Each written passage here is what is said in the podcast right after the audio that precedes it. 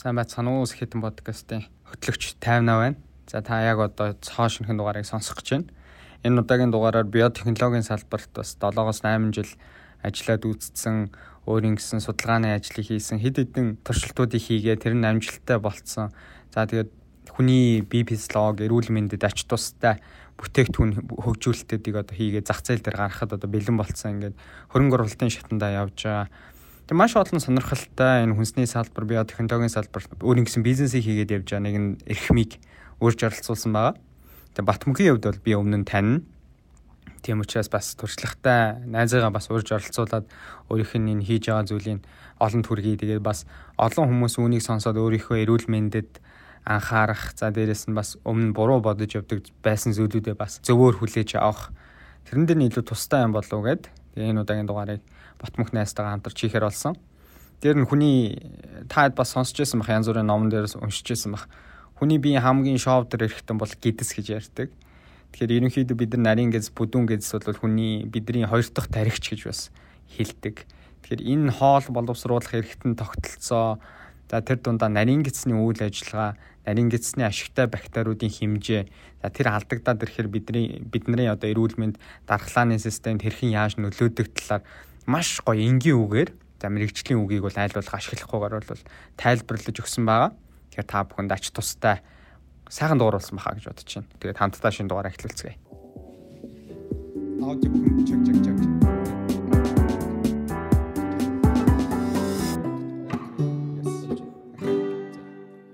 Сайн байцгаана уу ихэм сонсогчдоо Хэтэн подкастын цоо шинхэн дугаар эхлэхэд бэлэн болоод байна. За энэ удаагийн дугаараар биотехнологийн салбарт сүүлийн бараг 8 жил гаруй судалгааны ажил хийж энэ салбарт мэрэгшиж бас өөрийн гэсэн бизнесийг эхлүүлээд амжилттай аваад явж байгаа. Өөрийн гэсэн бизнес гэдэг нь бас ганц бизнес шид хэдэн бизнесийг аваад явж байгаа.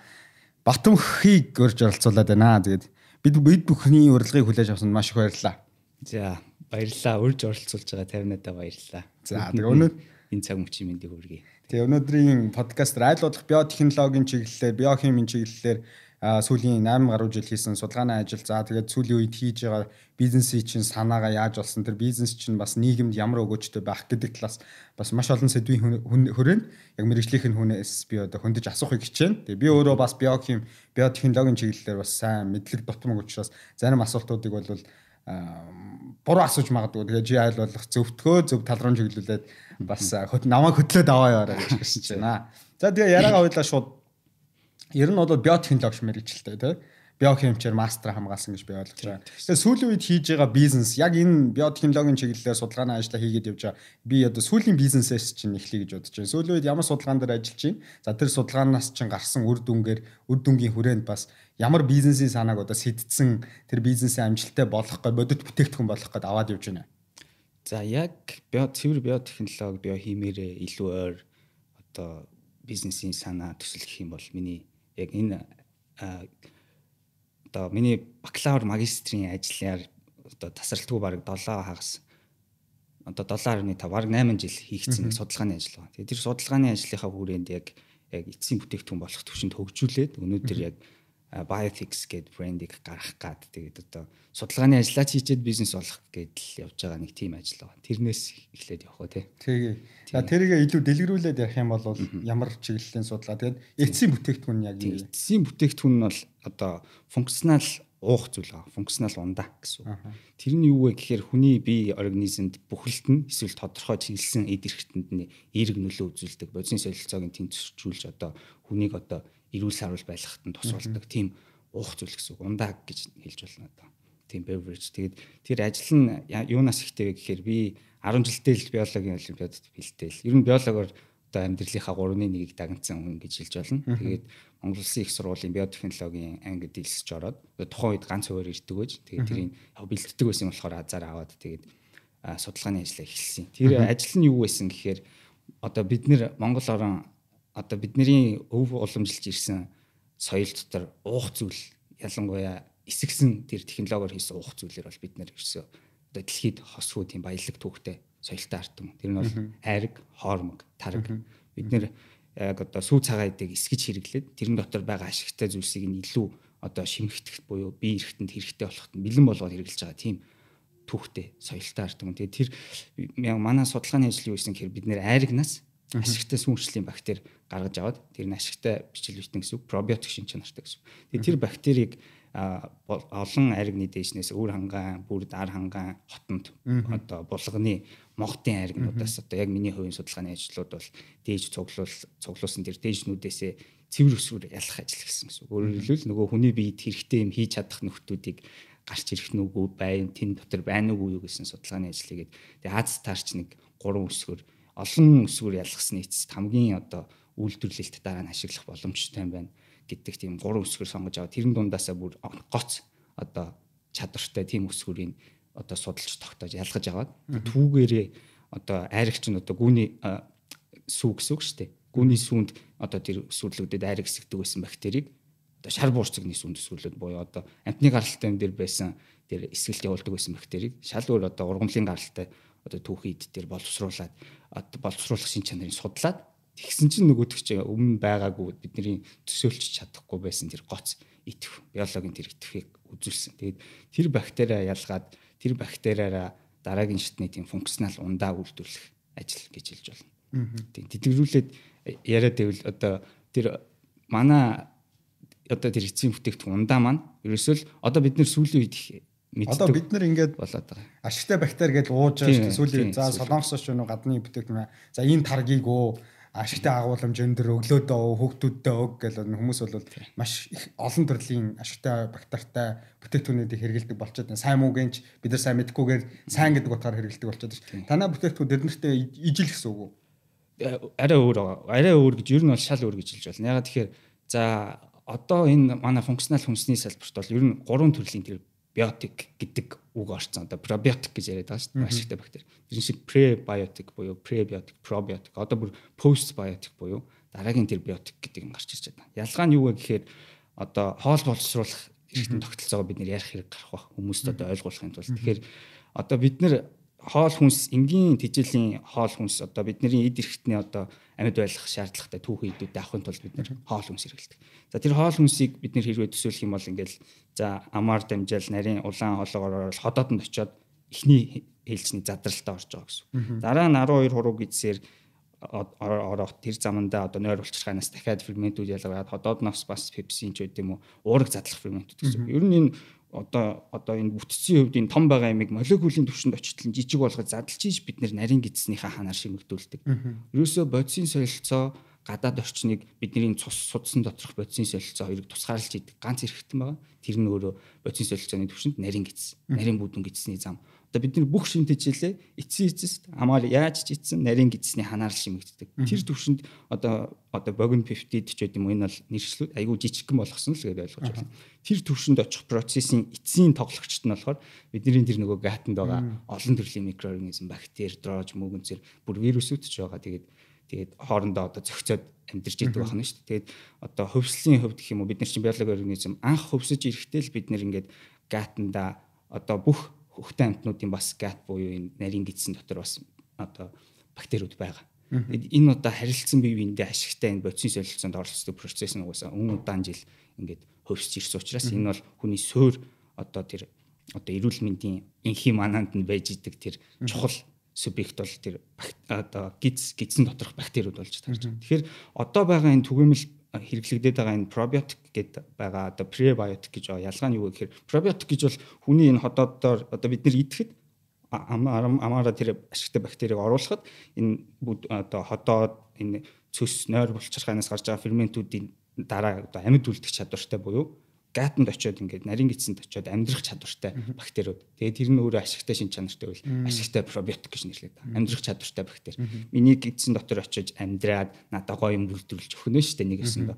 Тэр бактериудыг пробиотик гэж нэрлэдэг бол пребиотик гэдэг нь тэр пробиотик бактериудад иддэг хоолн гэсэн. Одоо хөвчлэн нүүрс ус суурьтай нэгтлүүд эслэг хүнсний эслэг гэж одоо сүүлийн их ярьдаг болсон тийм. Тэгээ тэр эслэг нь өөрөө тэр гол бактерийн энерги эрчим хүчээ ялгаж аваад өөрсдөө амьдрах гол хоолн гэсэн үг. Тэгээ тэр пребиотик буюу хоолоор нь одоо хооллоод бактери одоо тав тухтай байлгуул надаа гоё юм үйлдвэрлэл авах нь шүү дээ тийм. Гоё юм үйлдвэрлэнэ гэдэг. Гоё юм гэдэг нь бол одоо гоё хүний эрүүл мэндэд нөгөө хэрэгтэй бодисууд гэсэн үг. Одоо бидний одоо одоо энэ орчин үеийн энэ халдварт бус өвчлөлүүд төгсөн энэ 21-р зуунд өөрөөр хэлбэл чихрийн шижин таргалалт одоо одоо сүүлдээ энэ гатанд одоо бодисын солилцоонд нөлөөлөд байгаа тэр одоо сонирхол татаад байгаа зүйл бол бидний сэтгэл хөдлөл psychiatry одоо бүр сэтгэл хөдлөл болон сэтгцийн өвчнүүдэд хүртэл нөлөөлж болох бодисууд гормонд нөлөөлж байна гэсэн. Гормонд нөлөөлж байна гэсэн. Тийм, гормон яг хөө бид нэр гормон гэж ярьж болно. Ерөнхийдөө бол гормоны төрөл гэж болно. Яг гэхдээ энд гатан дотор ялгарч байгаа тэр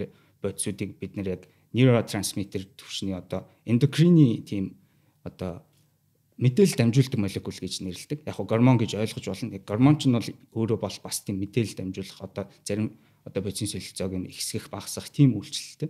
Тэгэхээр тэрнтэй адилхан одоо тийм бодисуудыг тэр гат бактериуд манаас гаргаж өгдөг байна шүү дээ. Бидний нарийн гидсэнд. Тэгэхээр яг энэ дээр ирэхэд яг энэ төвшин дээрээд ингээд нарийн гидсэн дээрээ бид нэр төвлөрөх юм бол нөгөө ашигтай бактериуд маань тэр хэрэгтэй бодисууд одоо бид нэр серотонин гэдэг үгийг бас зүйл дуу муун дээр ч хүртэл ороод тэ зүрхэнд минь серотонин тийм укагийн дунд. Тэгээ тэр серотонин зүрхэнд биш одоо энэ гатл одоо тэр бактериудаас ялгаруулад үүсдэг нөх нь шүү дээ. Амин хүчлийн бидний уургийн задарлаар үүсдэг нэг нэгдлүүд донд бас үүсдэг байгаа. Тэгэхээр серотонин байна одоо бусад тэр бодисууд маань эцэстээ одоо тэр нарийн гидсний нарийн гидс ч өөрөө эстэй шүү дээ. Бидний эргэтнүүд эд маань эсээс тогтож байгаа. Тэр нарийн гидсний эсэд эсээр нэвчих төвшний тэр мэдээллийг дамжуулахад нарийн гидсний тэр ECC гэж одоо товчилж нэрлдэг тийм эс байгаа. Энд тийм эс нь өөрөө шууд тархины мэдрэлтэй шууд холбоотой байж идэг цаагаараа. Одоо бидний тарих явсаар аваад нуруу тэгээд гатанд бол маш олон нарийн гидсэнд маш олон мэдрэлийн судлууд байна. Тэгээд тэр нөгөө мэдрэлийн нейротрансмиттер бодисууд маань ялгарнгууд одоо би гой хооллоод гой бактеритэй байвал нэг гой юм идчих юм бол нөгөө гой бодиснууд нь ялах юм бол би нэг сэтгэл санаа өдрөг anxiety багтаа гэдэг ч юм уу нөгөө сэтгэл түгшил багтаа тэгээ бүр depressionтэй хүртэл холбоотой буюу сэтгэл гутралаас хүртэл ингэж эерэг нөлөө өгч одоо гарах түвшний тийм молекулууд хүртэл бас ялгаруулдаг гэж сүүлийн судалгаа байгаа байхгүй. Өөрөөр хэлбэл энэ пробиотик бактериуд маань энэ бидний бие эрүүл мэндэд бүхэлд нь ингэж балансжуулж өгөх тэр үр шимийг өгдөг байна. Тэгэхээр миний төвлөрөөд ажиллаад байгаа одоо энэ бүтээгдэхүүн юу вэ гэхээр пробиотик бактериуд хэрвээ ингээд нарийн гидсэн дотор байгаад хүмүүст гой бодисууд ялах үүрэгтэй юм бол бидний нарийн гидс бид нар өөрсдөө байнга тэр пробиотик бактерийн гой хоол хүнсийг өвч чаддаг үлээ. Бид нар байнга одоо тогтмол одоо жигд хооллолтой байнгын эрүүл хооллолтой байнгын тэгээ тэр бактериудыг бөөцөлөд байгаад ах боломж өнөөгийн нийгэмд ялангуяа хэцүү байгаад байгаа Одоо гадны хүрээлэн буурчны агаарын бохирдол ус ус хөрс зөндөө олон нөлөө тэгээ стресс тэгээд хооллолтын одоо шарсан хуурсан хит их тийм одоо хит их өндөр уургийн агуулмжтай эсвэл нөгөө задралт бага ордог. Ялангуяа тэр ашигтай бактери сүм хүчлийн бактери гэж ерөнхийд нэрлэдэг байхгүй. Тийм бактериудын одоо ферментац энд бас явагдаж байгаа одоо нөгөө одоо эсгэлт эсгэлтийн процесс нь явагдаж байгаа. Тэгээ тэр процессын эсрэг ялцруулах процессд оролцдог одоо том том юм бүтцтэй уургууд ч гэдэг юм хэрэглээд ирэхээр нөгөө ялцруулагч бактериуд нэгсээд нөгөө бактериуд нь багасаад ч гэдэг юм. Энэ дотор бол байнгын тогтмол байх ер нь нарийн гидсний замд одоо бид нар янз бүрийн юм хэрэглэдэг те. Боломж маш бага байдаг. Өөрөөр хэлбэл нөгөө хэрэгтэй бодис бид нар мянга пробиотик хэрэглээд одоо өөрөө л нэг амар лагер дээрээ цэвэр агаарт гоё ингээд 50 амьдралтай байдаг бол өнөөгийн нийгэмд хэцүү те. Тэгэхээр тийм биш нөхцөлд бол гой бодис үйлдвэрлэгдээд ирүүл байх магадлал пробиотик хэдий хэрэглэсэн ч гэсэн маш бага болоо явчихж байгаа. Өөрөөр хэлбэл ингээд бас за ашигтай бактерийг бид нар ингээд эмээр ууж байгаа тийм үү? Одоо юу таблет капсулаар юм уу? Капсулаар ууж байгаа. Аа одоо янз бүрийн тэр ундаанууд байна тийм үү? Тарагнаас ууж байгаа. Тэнгүүд тэр ер нь гэхдээ үр дүнтэй гэсэн үг үү? Үр дүнтэй байх хүндээ үр дүнтэй. Тэгэхээр тэрийг мэдэх боломжгүй байна тий. А яг хуу сүүлийн үед бид нар өөрсдөө хэрвээ өөрсдийн энэ нарийн бүдүүн гисний замдах бактерийн бүрдлээ мэдчихэж байгаа бол энэ нь өөрөө хүн болгонд өөр ихгүй юу? Хүн болгон бид нэр одоо төрөлт бид нэр хэрвээ кесүр хийлгэж төрсэн байна уу? Эсвэл яг умаагаар төрсэн байна уу? Тэр нь өөрөө бактерийн бүрдэлт бас нөлөөлж идэг судалгаанууд байдаг. Тэгээд дээрээсээ ямар орчинд өсч төрнсөн тэр бактери одоо шороо мороо идэл айгүй дархлаатай байна гэдэг дэс түүхтүүд чинь нөгөө жоохон хит цэвэр байж болохгүй гэдэг юм хүмүүс яриад байдаг. Тэртээ тэр чинь бас нөгөө хүний хүүхдэд багаас нь өсөж явахт нь бактерийн бүрдэлт нь бас нөлөөлж идэг болж тарах гэдэг байхгүй. Тэгэхээр хэр баялаг бүрдэлтэй хэр юм чадaltaй бактериуд миний нарийн бүдүүн гэсний замд надтай хамт ингэж өсөж төрнөд удаан оршин тогтносон байна. Тэр нь миний бодисын солилцоог бас хамт ингэж авч явж идэг болж тарж байгаа байхгүй. Тэгэхээр хүн болгоных өөр болж тарж байгаа. Яг нарийн ярих юм бол. Тэгээ сүүлийн үед бас гадны стартапууд хүний нөгөө одоо гатаар дамжаад бид нар ялгацс гаргаж байгаа шүү дээ тийм ялгацснаас нь сорьц дээж аваад одоо түүлийн ингээд одоо subscription modelтэй л байгаа юм л та. Гэрт нь ингээд ялгаж авах түүлийн явуулчих чана. Тэгэн гутал хүн өөрөө ингээд тест китэнд зааврынхаа дагуу өгөө явуулчих чана. Тэгэн гутсаасаа дээж аваад өгч болж шүү дээ. Тэгэн гут буцаагаад тэнд одоо тооцооллуудаа ингэ за энэ нэг иймэрхүү бүрдэлтэй хүн юм байна. Эрүүл мэндийн зорилго нь одоо жишээлбэл за жин хаях ч гэдэм үү, нэмэх ч гэдэм үү, булчингийн мас ч гэдэм үү. За тэгвэл энэ хүнд ийм төрлийн бодисын солилцоо нь илүү хэрэгтэй ийм бактериуд байвал зүгээр байд юм байна гэдэг дата байгаа учраас тийм бактериудын бүрдийг агуулсан таблет нөгөө санал болгох нь санал болгоно гэсэн үг. Тийм. Тэгэхээр тэр нэлийн үнэтэй тийм одоо яг нэлийн сүүлийн стартапууд гэж байгаа. Тэгэхээр тийм одоо тэгэнгүүт нөгөө надад хэрэгтэй функционал бодисууд буюу эрүүл мэндийн маань сахин хамгаалах. Эцэц бодисол бидний нарийн гидсний хамаар шим ханаар шимэгдэж орж байгаа болохоос бактери ороод нэг энд нь очиод юм хийгээд авахгүй. Бактериуд бол гидсэндээ л байна. Тэгэхээр тэр бодисуудаа гаргаж авахын тулд яг өөртөө таарсан бактери авдаг. Тийм одоо илүү tailored, илүү personalized тухайлсан хүнд чиглэсэн тийм өвдмөц бактериудын өгдөг үйлчлэгийг гарч байгаа. За тийм миний бүтээгдэхүүн рүү буцаад ороход яг саяныхыг ярьдаг шалтгаан нь одоо postbiotic гэдэг. Сая prebiotic, probiotic ойлгочлаа. Тэгэхээр гурван төрлийн чи хоёрыг тайлбарлажлаа. Тэгэхээр postbiotic нь юу вэ гэхээр одоо нөгөө бактериудаас гараад ирсэн бодисууд. Одоо энийг метаболит гэж ярьдаг байхгүй юу? Бодисын солилцоонд дамжаад гараад ирсэн бодисууд гэсэн үг. Энэ метаболитууд айгүй өргөн хүрээний одоо амин хүчил одоо уураг байж болно, нүүрс ус байж болно, одоо уурагтай нүүрс усч байж болно. Одоо тийм гликопротеин ч гэдэм үү. Тийм гой гой нэгдлүүд байдаг байхгүй. Тэгээ тэр бодисууд нь эцэстээ миний эрүүл мэндэд нөлөөлт юм байна гэдгийг ойлгосон. Тэгэхээр тэр гарч ирсэн бодисуудын шууд агуулж байгаа ундаа хүнсний бүтээгдэхүүнүүдийг постбиотик гэж нэрлэж байгаа. Дээрээс нь бактерийн одоо пробиотик бактерийн өөрийн одоо бактери чинь нэг амтан гэх юм бол нэг хониор зүүрлүүл бид нэр хонь гаргаад иддэг шүү дээ тийм хонь бактерийн өөрийг нь бас задлаад хонийг гаргацсантай адилхан бактериа гаргаад бактериа бас сайхан задлаад тэгээ бас оруулсан байвал мөн адилхан постбиотик гэж үздэг. Яг тэгэхээр бактерийн эсийн хан дотор бас гоё хэрэгтэй тосны хүчлүүд байгаа, уургууд байгаа. Одоо сүүлийн үед бас GABA гэдэг юм бас gamma aminobutyric acid гэдэг хүнсний нэмэлтийг бид нэр омега 3 шиг хэрэгэлдэг болсон. Яг тэгэхээр тарих марих тайвшруулдаг, anxiety бууруулдаг гэдэг чинь. Тэгэхээр энэ бодисуудыг агуулсан ундаг бүхэлд нь постбиотик гэж нэрлэж байна. Өөрөөр хэлбэл би шууд тэнд нэг бактери аваачаал нөгөөх нь гоё юм ялгаруулах бах та гэж найдаал нөгөө дэлгүүрөө дээр зарагддаг одоо олон нэг төрлийн л пробиотик бактеритай ундаанууд тахгүй. Тэр бактерийн тэр ундааны зорилго бол тэр бактерийг уулгаал энд гидсэнд л аваачих зорилготой. Тэрнээс нөгөө сая яриад байгаа бодисуудын агуулмж бол байхгүй. Тийм болохоор л дээрээс нэг нэмэлтээр одоо юу ч үдийн витаминээр баяжуулсан, цайраар баяжуулсан янз бүрийн юмнууд яриад байдаг. Гэхдээ эцэстээ биднэрт бол тэр функционал бодисууд л хэрэгтэй.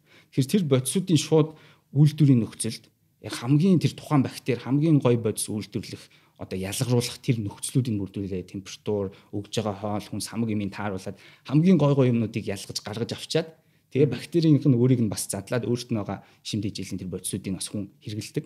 Угаасаа бидний гидсэн дотор мянга мянгаар сая төмөрөл үхэл задарч байгаа бас бактериуд бас хуваагдж байгаа. Тэгэхээр тэр бодисуудыг ингээд хэрэгтэй бодистой хамтдаа наагуулсан ундаг постбиотик гэж нэрлээд тэр нь шууд унгууд нөгөө бодис чинь баг молекулт жижигхэн нэгдлүүд учраас шууд явсаар оо нарийн эзний ханаар шимэгдээд надад яг хэрэгтэй бидний эргэтэн тогтолцоонууд дарахлаа хаана юм хэрэгтэй вэ тэр байгаа газар нөгөө хэрэгтэй бодис нь үйлчлэлээ үзүүлээ явчихна гэсэн энэ пост байдаг. Өөрөөр хэлбэл нэг өргөн хүрээний молекулууд байгаа учраас бид нэр зөвхөн өөртөө таарахыгаа шимэгдүүлээд авчиж болно гэсэн. Одоо нэг жоохон смарт болоод байна гэсэн үг. Смарт. А тэгвэл танаа ундаач одоо чинь яг нэг төрлийнх юм уу ингээд тухайлсан өөр өөр хүмүүст ингээд зорив. Одоо хүн болгоны дээр ашигтай бактери гидсэн дотор байгаа ашигтай бактериуд ч өөр өөр байна гэж шээ. Нөгөө ямар орчинд өсснөөс хамаараа тийм. Тэнгүүд танаа ундаа нэг төрлийн тийм ундаа юм уу? Тэгмэд тэрийг бүгдийг сайхан уугаал Тэгэл амар ухаалаг те гидсэн дотор ороод шууд тухайн хүний юу дутагдаад байна тухайн хүний одоо э, дархлааны систем болоо эргэтэн тогтолцоонд нь юу одоо дутагдaltaй байна гэдгийг шууд өөрөө олж таниад илрүүлээд тэрээ шууд ажиллаад эхлэх гэсэн үг юм. Яа гэсэн. Тийм тийм. Яг уу ийм юм байгаа юм. Одоо функционал олж таньж илрүүлэх гэдэг шиг бидний бодож байгаа шиг ажил бол хийхгүй. Яг тэгэхээр тэр одоо бактери өөрөө энд надад хэрэгтэй юмыг ялгаруулдаг тэр бодис бид нар би түр эволюц ярьсан тийм хөөс жоохта бид нар энэ одоо бактери хүн хоёр хоорондоо ингээ бие биенийгаа дэмжих замаар ажилтдаг одоо уучраа олцсон гэсэн үг бид нар аль хэдийн. Тэгээд бактериудын хувьд мэдээж эзэн нь амьд эрүүл саруул нөгөө сайн бактериудад бол байгаад гой бодисоор ялгаруулад зөрүүлээд нөгөө хүн эргүүлээд бактериудаа байлгаад байх нь бие биендээ ашигтай. Тэгэхээр бактериуд өөрсдөө хувьслын хувьд бидний одоо симбиоз амьдралтай байгаа бактериуд маань хэрэгтэй бодисууд ялгаруулдаг болоод тэр нь бидний эд эрхтэнд хэрэгтэй болдог процесс аль хэдийн явцсан. Өөрөслөөр.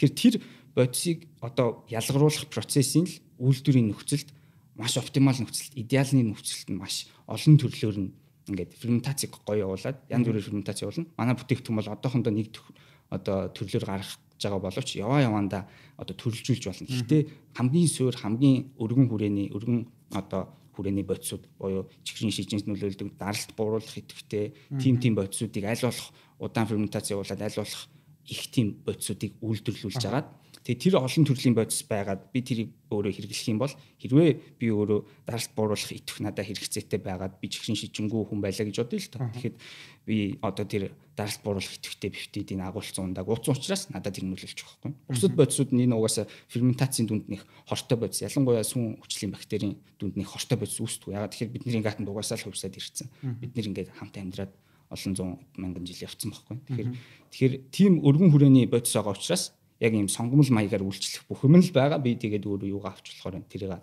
хэрэгжилж болох гэдэг одоохондоо. Гэхдээ яваа явандаа илүү хүнд чиглэсэн байдлаар үйлдвэрлэх бас боломжтой. Бүүр зөвхөн бат мөнхөд зөвхөн тайвнаад зориулсан. Хоёулаа яг нэг брендийн юм ч гэсэн магадгүй гэртээ аяган дотроо зөвхөн өөртөө таарсан одоо ферментацийн ундаа одоо одоо өөртөө таарсан зөвхөн надад зориулсан бүх тэр функционал бодис агуулгдсан ундааг өглөө гарахтаа аяганда хийж авчаал өдөржингөө гоо явчих болно. Эсвэл би амар фитнесээр өнөөдөр хичээлэх шаардлагатай бол надад энэ төрлийн жоохон нүүрс ус ихтэй хийгээд өгчөөрэй гэдэг юм а би өөрөө одоо смарт уучаараа тааруулаад ч юм уу те. Функционал ундаа бол зайлшгүй 21-р зуунд бидний эрүүл мэндийн одоо мэндийг сахин хамгаалалтын нэг зүйл байх ёстой болчиход байгаа. Яг тэгэхээр одоо мянган жилийн өмнөх нийгмийн амьдрал хүнд орж байгаа инпут орцууд одоо байгаа орцууд хоёр шал өөр байхгүй бид нар маш их стрессийн олон байгалийн болон хүн хоорондын харилцааны болон бодисын солилцооны түвшинд стрессүүд одоо бохирдолч гэдэг юм зөндөө бол юм авж байгаа. Тэрнийхээ эсрэг одоо хоргоожүүлэх, тайвшруулах өөр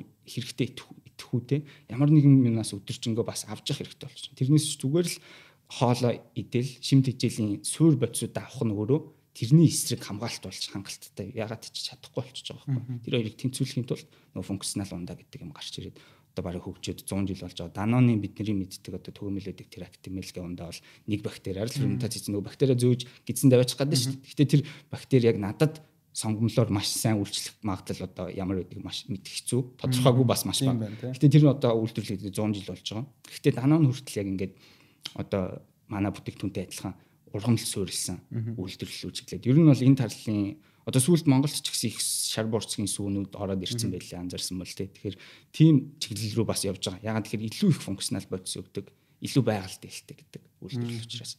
Тий. Одоо тэгэхээр таадын яг бүтээгдэхүүн болвол за тэр Даной гэдэг компани уу тий? Данон тий. Данон Данон тий. Тэр компани бол тун төстэй бүтээгдэхүүнийг бол ургамал дээр гаргаж аваад ингээд үйлдвэрлээд явд. Одоо probiotic гэдэг байна шүү дээ. Тэд нэр үү? Тий. Яа тийм хийдэг. Аа тэгвэл та хэдийн бизнес буюу та хэдийн санаа бол Монголын юугаар онцлог юм бэ гэдгийг нь бол тэр Монголын булганы мод тийм булганы модын айрагнаас ялгсан. Гүүний саамны буюу тэр айрагнаас гаргаж авсан гэдэг чинь дахин давтагч давтагч буюу тэр бол дэлхийд ингээд онцлог болж хувираад байна шүү дээ. Монгол хүний одоо э, биеийн онцлог болон За окей супер. Тэгээ одоо тэгвэл би шууд бизнесийн үйл ажиллагаар орох гэдэг шээ. Одоо та яг энэ санаан дээр хөрөнгө оруулалт татах үйл явц нь яаж явж байгаа?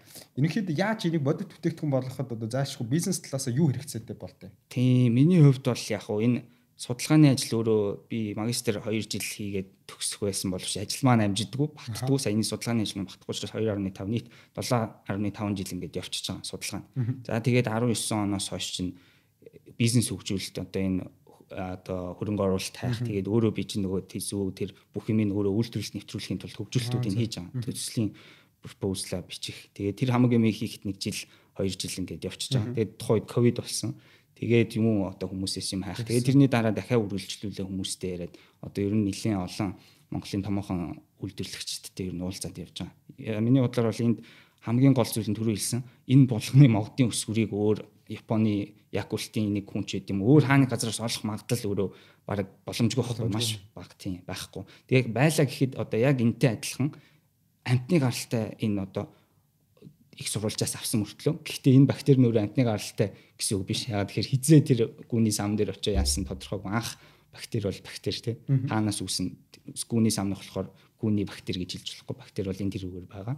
Тэгэхээр тэр бактери өөрөө энэ шар буурчны сүүн дээр үзүүлж байгаа энэ их итгэх нь өөрөө энэтэй адил дүүх байх гэдэг магадлал өөрөө маш бага байхгүй. Энэ бол нэг ёсны юу гэдэг чинь нэг ёсны мэдээж надаас хөдөлмөр гарч байгаа нөгөө ёсны энэ чинь ийм бактери олтчихно гэдэг чинь тэр хэдэн 100 сая юм дотроос ингээд цэвэрсгүүр ялгаад хийж хахад рандом л нь шүү дээ. Тэрийг одоо санамсргүй байдлаар ингээд хийж хахад олтно гэдэг нь өөрөө бас аз واخхой тий. тий. Тэгэхээр мэдээж би яг хаа судалгааны ажлын үрээнд одоо хүмүүс танд хүмүүс мэдж байгаа хаа одоо мөс дээр хийж хахтаач хон үнжигээл одоо химийн үрэлэн дээр байх таа ч гэсэн бас ер нь хоноол хийхгүй бол өөр замгүй ягаад тэгэхээр ферментацийг нөгөө маш улам урт хугацаанд явуулаад явуулж ийз цаг цагаар хэмжилт хийдэг байхгүй. Тэгээ бүр 20 цаг дээр хүртэл хийж үздэг. Тэгэхээр одоо 20 цаг 20 цаг туршилт хийхээр ч одоо яаж харих вэ те. Тэгэхээр боломжгүй. Тэгэл ер нь хоног үнжи явж л ирсэн ажил гэсэн үг түүх түүх нь бол. Тэгэхээр энийг олох магадлал бол би бол байхгүй гэж бодож байгаа. Тийм булганы хаа одоо булганы мовдын айрагнаас дахиж очиод ялахыг гэсэн ч олдохгүй байхгүй. Энэ чинь ямар ч магадлалгүй байхгүй. Тийм. Тэгэхээр супер. Тэрнгээрээ сонирхолтой. Тэр яг манай үеийн залуучууд бас яг энэ чиглэлээр эн чинь Монголдо өөрсдөө судалгаа хийгээд өөрсдийн хүчээрээ гэсэн үг шнэ нэг байлгүй те. Тийм тийм Монгол улсын их сургууль мэдээж хүрээлэн тийм Монголын ямар нэгэн цаана амар том хөрөнгө оруулалт бүр судалгаан дээр мөнгө төгрөг гаргаад дэмжиж хийж байгаа зүйлсээс илүү өөрсдөө ингээд нийгэмд хэрэгтэй хүний эрүүл мэндэд хэрэгтэй ийм зүйлийг судлаад гаргаж ирж байгаа. Тэгээ тэр нь бодит ингээд бүтээгдэхүүн болох гээд одоо замдаа явж байгаа гэж хөрөнгө оруулалт татах замдаа явж байгаа. Тэгээ сонсох бол маш сонирхолтой байна.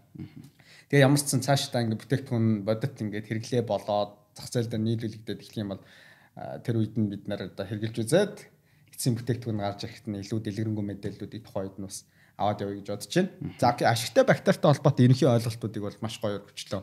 Энэ хүмүүст ямархуу байдал, нь ашигтай бактери авах нь хүний бие организм, дархлааны систем яаж нөлөөлдөг вэ гэдгийг талаас бол аюу маш гоё сонирхолтой мэдээлэлчлээ. Би одоо юу асуух гэдэг юм л да. Аа чиний хувьд одоо нөгөө навчит нөгөө хоёлаа нөгөө бие биенээ таньдаг учраас би өмнө нь бас чамаа нөгөө навчит ногооны чиглэлээр бас бизнес эрхэлж исэн амгадгүй ч бас одоо эрхэлж байгаа бах. Гэхдээ тэрний тэр навчит ногооны бизнестэй холбож би юуг асуух гэдэг юм гэхээр одоо бид нар нэг органик бодлого органик бос хүнс гэж сүүлийн үед ярьдаг болчиход байгаа. Тэгээ нөгөө хүмүүс янз бүрийн бүтээгдэхүүнээс сурчлахдаа энэ бол органик хүнс гэдэг нэг тэр үгээр э, одоо брэндээ гаргаж ирж түүгээрээ хүмүүсийг татах тэр маркетингийн арга хэрэгсэл болгож ашиглаад байна шүү дээ. Тэгэхээр бидний өдөр тутамдаа идэж байгаа хоол хүнсийг яг юуг нь бид нар органик хүнс гэж ялгаж хэрэглээд байгаа. Юуг нь органик бус гэдэг. Тэр нь хүмүүст бас э, гоё зөв ойлголтыг өгөөч гэж хүсэж байна. Аа за органик хүнс навчт ногоо. За би ер нь органикээс эхлэе. Органик гэдэг ойлголт бол яг одоо яг бид нэр энэ үзэж байгаа үзэгч гэсэн Google дээр органик, органик бус хоёрын ялгааг Google дээр үзэх юм бол Википедиа дээр яг одоо химээсэл химийн хүрээнд л гарч ирнэ. Өөрөөр хэлбэл органик бодисууд гэдэг нь CH буюу нүүрс ус агуулсан нэгдлүүд байгаа гэсэн үг. Дандаа одоо бидний мэддэг сахар юу гэдэг те нүүрс ус гэхээр ойлгомжтой. Тэгэхээр CH бүлэгтэй нэгдлүүдийг органик гэдэг юм байна. CH агуулгаагүй нь органик бус гэдэг юм байна. Одоо их сургуульд ер нь 10 жилд ч гэсэн органик бус хийм, органик хийм гэдэг ордог. Тэрэн дээрээс бид нар харж болно хамгийн одоо үгийнх нь утгыг. Тэгэхээр ургамал дээр шууд ингэж яриад үйлдвэрлэл навчт ногоо органик хүнс гэдэг дээр яриад ирэхээр за ургамал дээр л би ярьчих тий. Ургамал өөрөө органик матери одоо органик зүйл те ургамал өөрөө органик зүйл. Тэгэхээр органик бус бордоогоор борцсон бол химийн бордоо гэж яриад байгаа маа тэгээ. Химийн бордоогоор борцсон бол органик хүнс биш болчих гээд байгаа шүү дээ. Энэ нийтлэг ойлголтоор бол тийм. Гэтэ яг хуу химийн синтезийн бодис байна уу? Одоо химийн гэдэг ойлголтоо бас задлах хэрэгтэй байх нэгдүгээр. Хоёрдугаарт хамгийн гол энэ дээр ойлгох хэрэгтэй нь бид нэр ургамал өөрөө хизээч органик бодисыг шууд чимэгдүүлж аваад өөрөө ургадаг организм биш Ургамал бол өөрөө энэ органик буюу органик бус давснууд одоо юу гэдэг азот, фосфор, кали гэж бид нөгөө бордон тижэл дээр ярих юм бол азотын бордоо энэ гэж ярьдэн шүү дээ. Азот ч өөр органик юм уу? Биш байхгүй. Тэгэхээр органик бордогийн гут яг уу органик түүхийдээс ялгаж аваад хагас боловсруулалтанд оруулсан бордогоо органик гэж хэлээд байгаа. Гэтэ эцсийн эцэст ургамал үндэс үндэснийхаа тэр утаслагаар шимэгдүүлж авж байгаа бодисууд нь бүгд органик бус байхгүй. Ургамлын мөн чанар нь өөрөө органик бус зүйлийг органик болгож ийн одоо байгаль дэлхийг энэ ертөнцийн чинь тогтоож штэ тэ дэлхийг. Тэгэхээр бид нар ойлголтоо илүү задлах хүрээнд ялангуяа навчт ногоон дээр бол одоо миний тариалт бол би яг нөгөө гидропоник тариалт буюу усан дээр тариалтыг хийж одоо туршаад хөрсгүү хөрсгүү гэсэн үг тийм хөрсгүү тариалтан дээр явж байгаа. Тэгэхээр энэ дээр бол яалтчгүй энэ органикийн ойлголт Монголд одоо хууль эрх зүйн ямар байдیں۔ Энийг бол шинжлэх хэрэгтэй баг. Ямар хөрсөн дээрх тариалтын хувьд бол яг органик гэдэг ойлголтуудыг ярьж болно. Ягаад тэгэхээр хөрс чинь өөрөө маш баялаг бүтц тийм микробууд байгаа л орно. Янз бүрийн мөөгөнцрүүд байгаа. Тэгээд тэрнгөөр бидний хийсэн органик бордоо хөрсөн дээр бид нэр төмс тарих гэж байгаа органик бордоо хийвэл хөрсний микроорганизмууд тэрийг задлаад органик биш болгоод тэр органик биш болсон юм ургамал төмс ногоо маань үндсээрээ аваад тэгээд урагчиж байгаа байхгүй. Тэгэхээр хөрсөн дээр илүү органик бордоо хэрэгтэй байна. Угаасаа байгалийн процесс тэр те. Одоо бид нэр төсөөлөлтөд нэг өхөр өвсөдөд гаргалаа одоо өхрийн бас болгож баагаад тэр нь задраад эхлээ сайхан шавжнууд ороод задлангууд дараа нь бороо ус ороод тэр нь хөрс рүү шингэнгүүт тэр дутуу задарсан юм бактериуд задлангууд нөгөө энэ органик бодис нь гарч ирээд тэрийн эргээгээ ургамал шимэгдүүлээд ийм эргэлт явж байгаа байхгүй. Тэр тэр эргэлтэн дээр органик бодис органик бордоо ашигласан тэр ургамлын хувьд бол микробууд өөр юмнууд оролцож ижил тэгнэ. Одоо тийм бүрдэл нь байхгүй эсвэл тийм биш өөр технологи ашиглаж байгаа бол гидропоник гитэр дээр бол органик бордоо ядж ижил усан дуусахгүй шүү дээ. Давс биш учраас энэ органик биш учраас тий.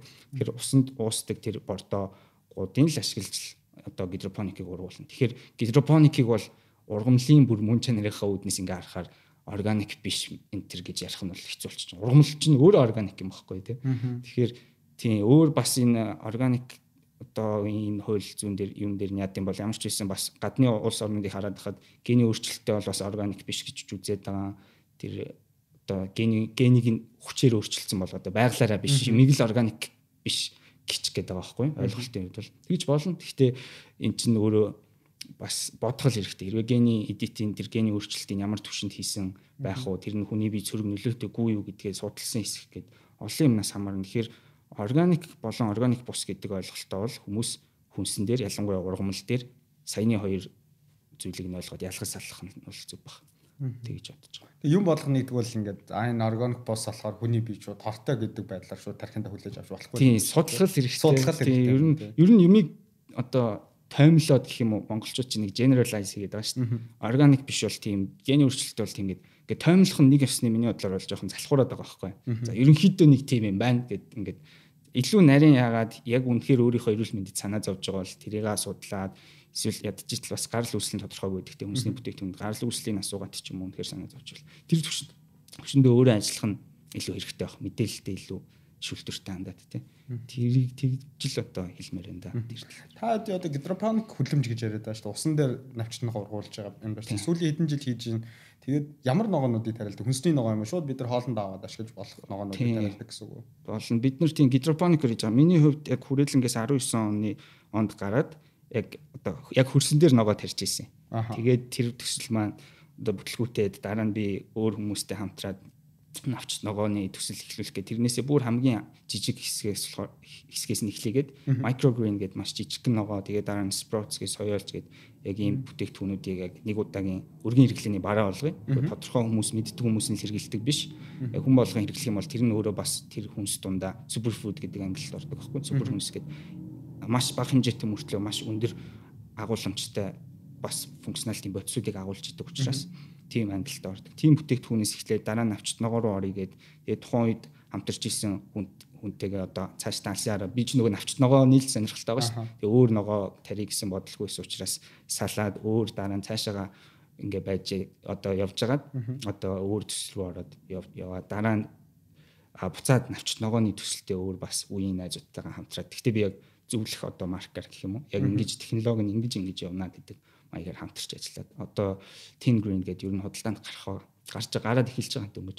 Тийм навчт ногоонууд гэсэн үг. Одоо lettuce байгаа, биднэрт kale байгаа, arugula байгаа. Тийм. Том том энэ нөгөө супермаркетуудаар захуудаар одоо их 80-д саруул зах баг гэдэг захуудаар байгаа. Ер нь одоо гидропоник хөлөмжийн бизнес ашигын маржин хэрэг үү? Монголд одоо зах зээл нь бол байх байгаа бах тийм.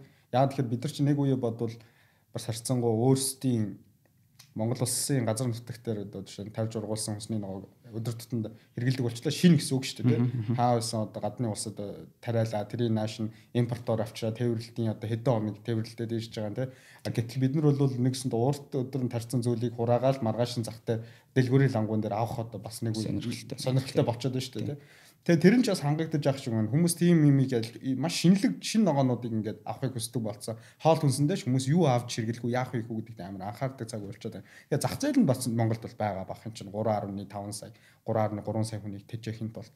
Тэгэхээр энэ бизнес ер нь Монголд хэр дийлгэрч байна. Та нараас гадна гидропоник одоо энэ хүлэмж бай Монголд хэр байдیں۔ Энэ төрлийн бизнес. Тэгээ ашигын маржин хэр байдаг вэ? Нууц биш бол. Аа.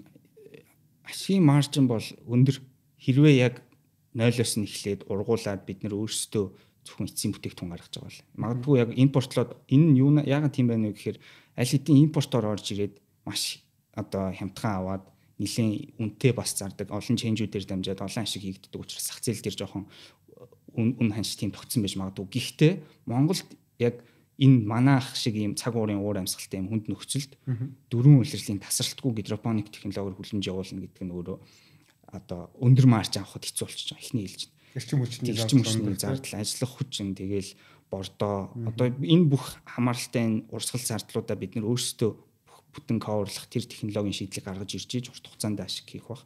Ер нь богино хугацаанд хэрвээ яг ашиг хийж ч юм уу яг энэ бизнесийг яг мөнгө олоод хэд нуглаад гаргах өөр бизнестэй харьцуулж орох гэж байгаа хүмүүст бол дэмий гэж зөвлөх байна. Яг тэгэхээр урт хугацаа шаардна. Эхлэлтийн үеийн хөрөнгө оруулалт өндөр шаардна.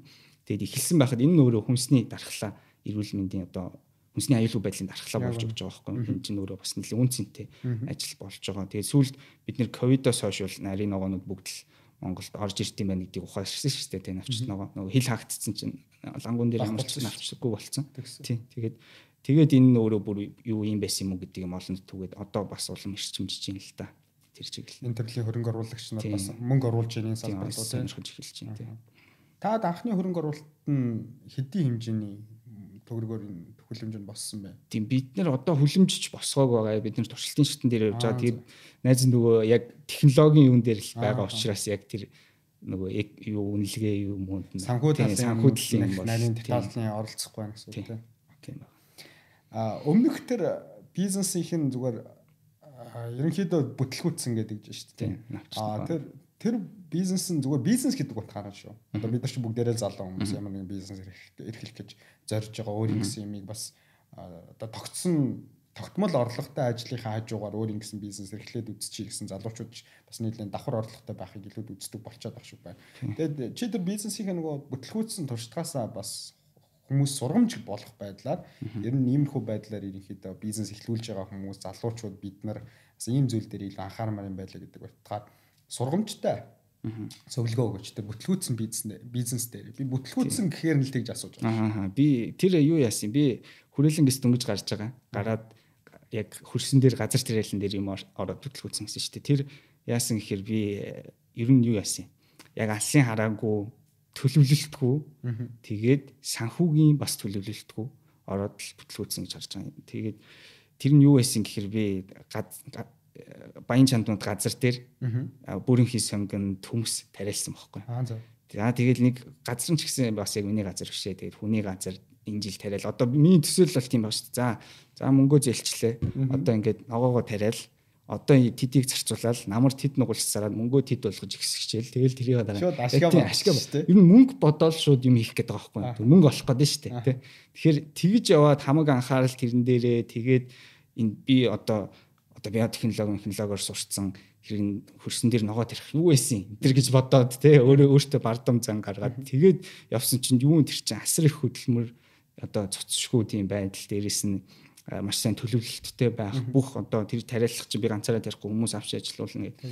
Зөндөө олон хүчин зүйлээ дутуу үнэлээд өөрийгөө их юмд үнэлсэний хар гайгаар л бүтлгүүдж байгаа байхгүй 100% тэгээд хүн хүн амтнаас мөнгө зээлчээ тэгээ бүтлгүүдэд Тийм, тийм л юм болсон да. Тэгэхээр сайн төлөвлөгөөтэй байгаад одоо даруу загнаад өөрийгөө тийм болоогүй гэдгээ сайн ухаараа тэгээд явахгүй бол сэтгэлийн хөөрлөөр ингээд ер нь болчихно би мэддэг юм ч гэсэн мэддэггүй байдаг байхгүй цагаад болохоор тийм яг практик дээр гараад ирэх. Тэгэхээр тийм л туршлага болсон доо тэгээд Монголчуудын хувьд ер нь наад чинь унган зам юм шүү. За юм шүү. Ер нь маш бүр эстлийг бүр байж болох төвшөнд нь бүр бүх эслийг тооцож үзээд маш сайн нарийн төлөвлөгөө гаргаад аливаа ажлыг ерөөсөө эхлүүлдэггүй. Зүгээр хийгээд үзчихье. Зүгээр хурдан зүгээр маш энгийнээр хэлэх юм бол зүгээр хийж үзээ хурдан бүтлгүүч. Үнэхээр бүтлгүүтэх магадлал өндөр бол зүгээр бүтлгээр бүтлгүүтэд хийж үзээд хийж үзсэн зүйлээсээ бодит сургамжаа авчий гэдэг тактикаар ажилтдаг ажилтдаг юм монголчууд маань амар юмд амар зоригтой гэх юм уу. Нэг талаараа тэр нь амар тэнэг зориг болчдөг те. Өндөр эслийг аваад хийгээд их хэмжээний алдагдлуулчихдаг. За тийм байна.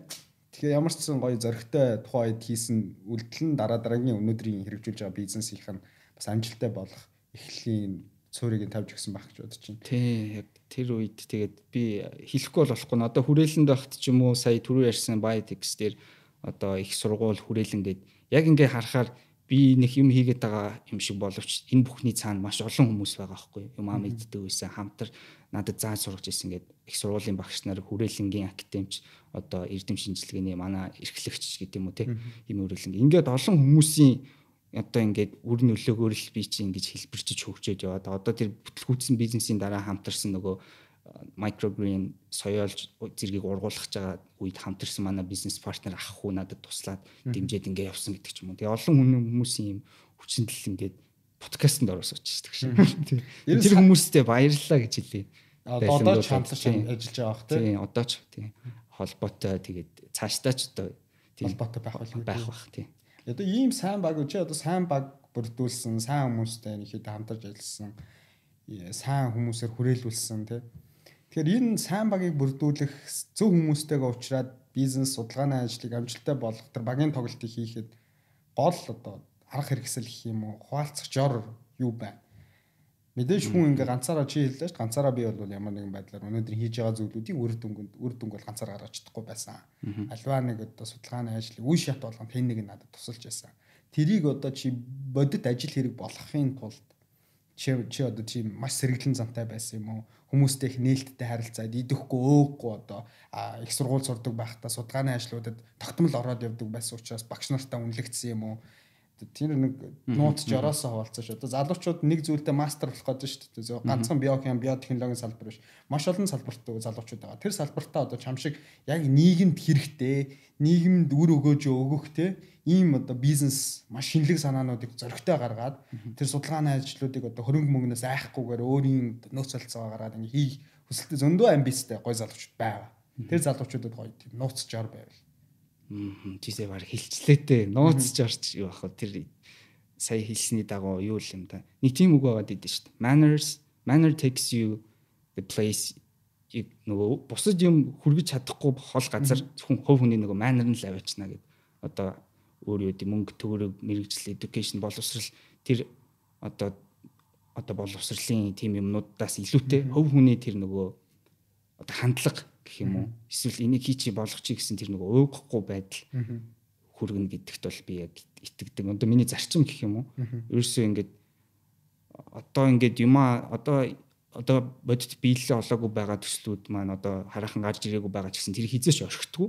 Ягаад тэгэхээр тэр хүртэлх хөгжүүлэлт бүх юмд зарцуулсан зүйлээ одоо орхих цагаас эхлээл чи бууж өгч чинь гэсэн үг байхгүй дээ алдчих чинь гэсэн үг. Орхихгүй орхичих юм бол ингээ гараа авчиж байгаа гэсэн үг байхгүй. Дууссан. Game over. Чи хайсан бол дуусаа. Хаяхгүй байна гэдэг чинь бол баг ялалтахгүй тий. Хаяггүйгээр ингээд зогсолтгүй хөгжүүлж аваад эцсийн зорилгоо төсөөлөд ингэх гээд байгаа. Энийний чинь импакт өөрөө ийм амар өндөр дээ. Би чинь ийм өндөр leverage буюу хөшүүрэг авчрах юм ингээд нийгэмд хийх гээд байгаа юм байна гэдэг дээрээ илүү төвлөрөөд тиймэрхүү олон өөрөөсөө маш том юмд төвлөрөхгүй бол өөртөө төвлөрөө түрүүний миний нөгөө бүтлгүүцсэн мөнгнөөс болоод бүтлгүүчж байгаа байхгүй юу ингээ мөнгөө ихсэх гэдэг шүү дээ тэр зүйлээс болоод бүтлгүүчж байгаа. Тэгэхгүй ямар нэгэн тийм тодорхой юм тавиад биш.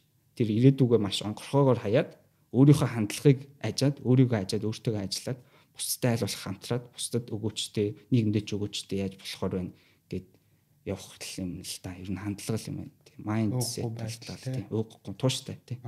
Сүүлийн үе залуучууд богино хугацаанд одоо чиний хийж байгаа хамгийн удаан одоо нэг судалгааны ажил хэдэн жил үргэлжилж байна? Яг ууггүй суусан чинь хугацаа айлвал. Тийм тийм 7 7 жил болж байгаа байхгүй тэр нөгөө судалгааны ажил бол тийм. Тэнгүү зарим залуучууд одоо бид нар ингээ богино хугацаанд амар мөнгөтэй болох хүсдэг болчиход байна л да нийгмийн одоо залуу би дийлэнх нь гэж хэлж байгаа юм биш. Ер нь байна те. Маш богино хугацаанд л бизнес хийгээл одоо цэвэр ашигын үзүүлэлт дээр хурд хугацаанд очиждаг тий. Нэгхэн хоёр дахь жилийн дотор тэр хийж байгаа зүйлээс үр дүн амар хүсээд идэг. Тэгээ нөгөөх нь үр дүнгээ өгөхгүй байнгут нь ингээд яг чиний хэлж байгаа шиг тэр өрөөнөөс гараа авчдаг бууж өгöd за энэ миний хийх зүйл биш юм байна. А гэтэл чи энэ 7 жилийн хугацаанд судалгааны ажлыг явьж явах үед яг бодит одоо хүсэжсэн тодорхой хэмжээний доктортой орлого дээр очтол энэ хийжсэн зүйлээс эргээ зүйл санхүүгийн хувьд чиний халаас нь бодит одоо санхүүгийн дэмжлэг өгөөд өгөөж өгөөд итгэл өгөөд чи бид нар амьдарч байгаа юм чи мөнгө хэрэгтэй шүү дээ. Тэгж эхэлсэн цаг үеийн яг хэддэг жил дээр байсан байна. Одоо 7 жилийн ууггүй л заримдаа чи за энэ нэр мөнгө олоход ч юм уу дөө болчдөг ч юм уу гэсэн бодлоо зөндөөлөөсөн. Арай өөр юм хийж үзтээ. Нэг бол байгууллагт ажилладаг ч юм уу тогтод тогтмол орлоготой одоо цалин бууж идэг те. Сардаа нэг 25-ны өдөр нэг цалин халаас ороод ичдэг тгий гэж бодож исэн үед байсан уу? Уюуд бол зөндөө байсан. Тэгээд орж ирсэн одоо түрүүний тэр biotech төсөл дээр бол одоохондоо яг хөрөнгө оруулалт татаад үйлдвэрлэл эхэлсэн бол байхгүй. Одоо болтол явж байгаа. 7 жил судалгааны ажил хийчихэд одоо болтол чирээд явж байгаа. Энэ угаасаа би угаасаа орхихгүй юм багхгүй. Миний яг нөгөө алситийн том зорилгоудын маань бас нэг хэсэг учраас. Тэгээ бусад орлого орж ирсэн төслүүд ялангуяа тэр хүлэмжтэр ч байт юм уу. Нөгөө манер л тус болж байгаа гэсэн. Өөрөө яг хүмүүстэй ингээд нийцтэй ойлголцоод яваад ирэх үед хин нэгэн чамд итгээд хамтраа гэдэг юм орж ирнэ. Тэгээд тэрнийх нь хүчин ч гэсэн бус өөр хүний итгэлийг алдахгүй тулд бас явж үзнэ.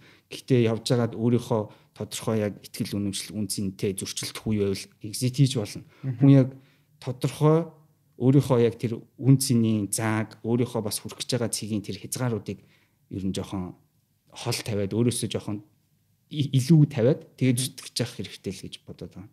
Тэгэхээр орлого олсны хувьд бол одоо одоо л харин сүүл Эригийн төслийг ярьсангүй те бид нэр Эри дээр бол хонины носын фильтр ашиглаж тэр төсөл дээр агаар цэвэршүүлэгчний төсөл дээр бол одоо бид нэр яг нэг жилийн хугацаанд борлуулалтыг орлого олоод хөрөнгө оруулалт татаад явж байгаа. Тийм олон төслүүдээс одоо дараагийн тэр нарийн ногоо маань бас дараагийн хөрөнгө оруулалтын хашид руугаа ороод гэдэг ч юм уу. Бараг 10-аад жил ямар нэгэн орлого тийм яг нөгөө бизнесээр дамжуулж аваагүй байж байгаад одоо л эхэлж байгаа байхгүй. Одоо тэр хэрвээ тэр оюутан цагийн судалгааны ажлаас хойш ингээд бүтэн харуул би чи 12 онд орсон оюутан болж исэн гэхэр чинь 11 жил болчихж байгаа байхгүй. Тэгээ судалгааны ажил 13 оноос эхэлсэн. Яг 2 дугаар курсээс ингээд багштайгаа уулзаад ингээд барий гэд багш гэсэн бас дуртай байгаа. Тэгээд ингээд явах юм бол ингээд үргэлж сух зарах юм бол 10 жил явчаад хайсан юм би баг хайсан 10 дахь жил дээр эхлээд байгаа юм. Хайсан юм ч юу гэсэн үг юм те. Гэхдээ маш сайн хундаантай эхэлж ийн гэсэн үг байхгүй. Одоо юу хийхээ айгүй сайн тодорхой мэдчихэж байгаа. Хамаг юм ингээд digest хийсэн ингээд нэг улс суурьтай тэгээ алсын хараагаа харж байгаа. Тэгэхгүй богино хугацааны юм чинь богино хугацааны л байдаг байхгүй юу? Тэр нөгөө төрөний жишээнүүд дээр хэлэхэд богино хугацаанд мөнгө олох бол нэг удаагийн л юм гэж хэлж болно. Хэрвээ урт хугацааны тогтмол орлого харах эсвэл тогтмол үр дүнгээ өгөх нийгэмд нэг 2 3 decade 2 3 20 30 жилийн үр өгөөж өгөх зүйл дээр хэрвээ төвлөрж байгаа бол 10 жил бол төлөвлөх нь бол зайлшгүй баг. Одоо 20 настай хүүхдүүд бол 30 30 настайдаа би ингэмээр байгаа юм байна. Миний дуртай юм юм байна. Өөрийгөө таних ажиллал би ер нь аль болох залуудаа хийгээд тэгээ тэр лугаал зүгээр ингээл нэг тэр жигтэй хараал явчаарай л гэж энэ миний зүйл муу юм байна л гэж олох гэдэг шүү дээ. Энд л би цаг зарцуулах хэрэгтэй байна гэж. Тэгээд явчих хэрэгтэй. Батмөнхийн хувьд бол одоо сонсогч нартай хэлэхэд бол холын зайн гөөхч जैन тий. Тэгээ 100 м ингээд маш богино хугацаанд маш өндөр темптэйгээр хурд гаргахаасаа илүү холын занд гүйж үзээ. Тэгээд тэр зүйл дээрээ илүү тууштай замаасаа гарахгүй зүтгэдэг. Тийм зүйл зүйлийн хүн байр гэж би ингээд жишж хэлж байгаа шүү. За эригээд би аа за. За sorry би сая ярина холын зан гүйлтгэхээр нь холын зан гүөх тусмаа нөгөө ойрын зангуу бид нөгөө юмаа тодорхойл гэж жоохон сая тэгээ хэлчихлээ. Гэхдээ тэр холын юм бол угаасаа яг бүр нарийн тодорхой бол хизээч болохгүй. Гэхдээ тэр холын зан юм маань чиний нөгөө үнэт зүйлтэй. Хөв хүний эцсийн зорилго болон одоо бусдад өгөх өгөөж бүх юмний тэр уулзур дээр байгаа юм бол тэгэл тэр зүгтээ явал тухайн үед бизнес санаа хөгжил цаг үе тэр нийгмийн эдийн засгийн тренд одоо тэр бусад зүйлтэй гоё уялдаад зэгцрээд явах болохоос биш яг юмаа тэр 10 жилийн дараахыг бол хинж тодорхойлж чадахгүй шүү дээ. Ийм их хурцтай өөрчлөлтөр тийм. Тэр утгаараа хэлсэн шүү найз нар. Дөрөв чи эри гээд бизнесийг хүндсэн. Одоо тэгэхээр би эри дээр үргэлжлүүл нэгэн сэдвийг хүндсэн юм чинь бас асуу гэж бодож байна нэг жилийн хугацаанд борлуулалт хийж байгаа гэсэн үү? Тийм бид нэр 21 оны 9 сард яг компани байгуулсан яг гэрчлэгээ аваад. Тийм. Тэгээ Эри бол өөрөө э, гол агуулга нь агаар цэвэршүүлэгч. Тийм бидний өөрөө бол greening in the air гэж байгаа. Дотоод орчны агаарыг ногоон болгох юу гэсэн үг юм те. Одоо ягаад тэгж нэрлсэн гэхээр бид нар бохирдолтой агаартай орчинд цэвэр агаар амьсгалахын тулд авч хэрэгжүүлж байгаа арга хэмжээ бол ерөөс агаар цэвэршүүлэгч. Тэгээд тэр агаар цэвэршүүлэгч маань ийм фильтрийн материал ашигладаг. Тэр фильтрийн материал нь синтетик нэг удаагийн хэрэглээ. Хэрэглээд хайсан фильтр маань хизээч байгальд бүрэн задардггүй. PP, полиэтилен, полипропилен тийм полимер нэгдлүүд байдаг. Тэр нь өөрөө бүрэн задрахгүй микропластик үүсгээд эргээгээд бидний экосистем хөрс ус. Тэгээ гадаргын ус. Одоо United Nation-ы 30 он хүртэлх таамгаар болвол энэ маягаараа бид нар пластик хог хаягдлын хэрэгцээгээ бууруулахгүй болвол энэ микропластикийн тархалт эмишн нь өөрөө нийт гол мөрөн 70 эргийн 80%-ийг бүчнэ гэж байгаа байхгүй. Энэ 50 он баха. 50 он гэхэд тэгэхээр тэрний үр нөлөө нь эргээгээд том дүр зургаараа бидний экосистемд далай ус нөлөөлнө гэдэг чинь тэр далайтах бичил организмууд ялангуяа тэр хөх ногоон замаг бидний хүчил төрөгчийн 70 80%-ийг хангаж өгч байгаа энэ дэлхийн атмосферт гэхдээ тэрийг боснуулаад өөрөөр хэлбэл бидний нэг удаагийн пластик хэрэглээ ирээдүйн байгаль дэлхийнээсээ хумслаад бид нэр одоо цэврээр амьсгалаад байна гэсэн үг байхгүй өөрөөр хэлбэл ногоон биш. Тэгэхээр бидний шийдэл өөрөө одоо хэрэгжилчих тэгээ хаяхад байгальд задардаг. Ягаад тэгэхээр нийт хог хаягдлын 70 80% нь газарт булгагдж байгаа энэ төвчний материалууд. Тийм хэрэгэлсэн синтетик материалыг дахиж боловсруулна гэдэг бол маш өндөр зардалтай.